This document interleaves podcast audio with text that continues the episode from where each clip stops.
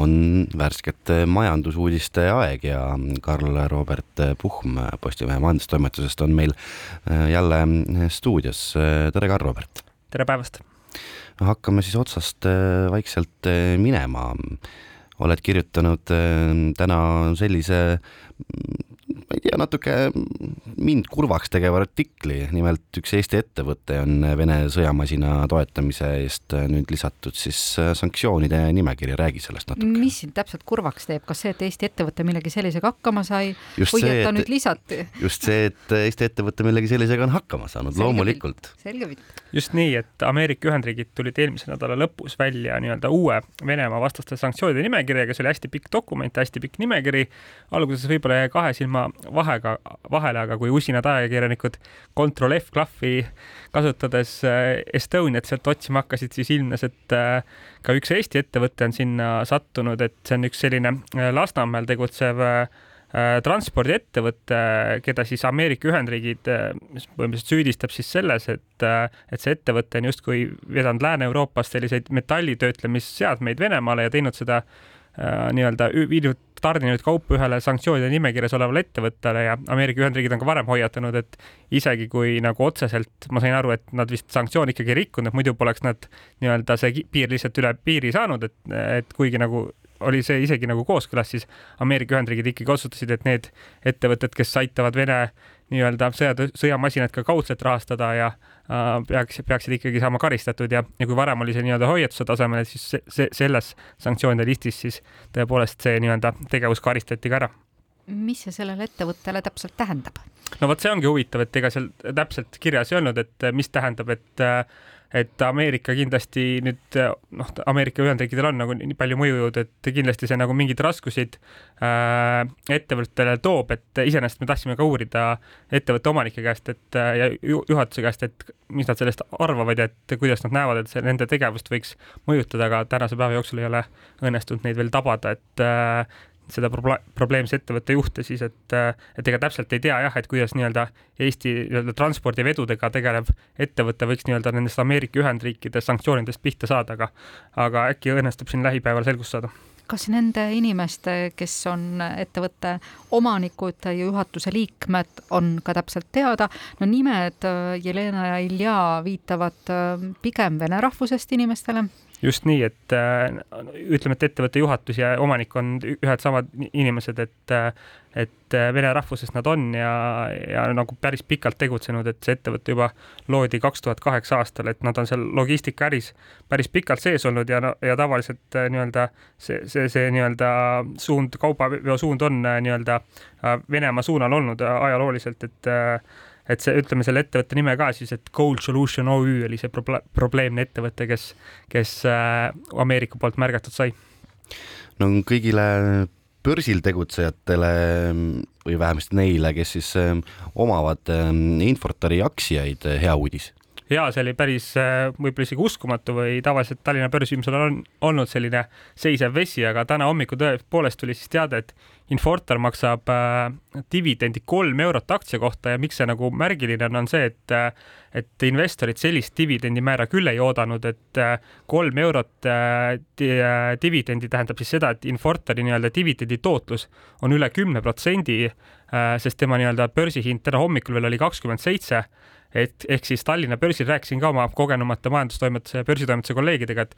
me hakkasime ajaloost meenutama, et millal üldse Tallinna börsil keegi sellist dividendi maks- ma,, maks- ma,, maksis. Ja nad arvasid, et lähima, ütleme pärast finantskriisi sellist dividendi mälu järgi pole Tallinna börsil nähtudki. Ja mida Infortari aktsia tegi siis selle dividendi peale, et praegu on ta, ma vaatasin just, et kaupleb selline kakskümmend kolm protsenti plussis, et äh, aga korraks hind käis ka äh, veel kõrgemal, et kui praegu oli hind kerkinud sealt kahekümne seitsme pealt sellise kolmekümne kolme peale, et siis päeva jooksul on ta tegelikult ka üle neljakümne euro tasemel käinud. et kellel siis oli kõvasti raha puudu, see võttis kõigepealt dividendid ja siis pani oma aktsia müüki ka veel? no võis täitsa nii olla, et äh, Infortar ise selgitas, et nii-öelda kolme eurost dividendi selle pealt, et üks euro oli nii-öelda baasstsenaarium, et noh, pidigi maksma üks, ühe euro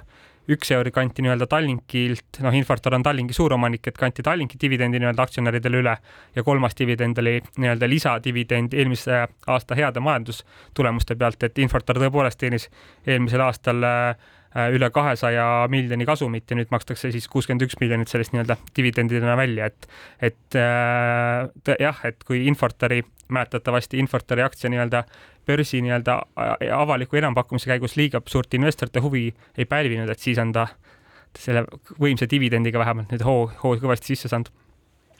aga uudiseid on ka lennuhuvilistele, need, kes eelistavad Ryanairiga lennata.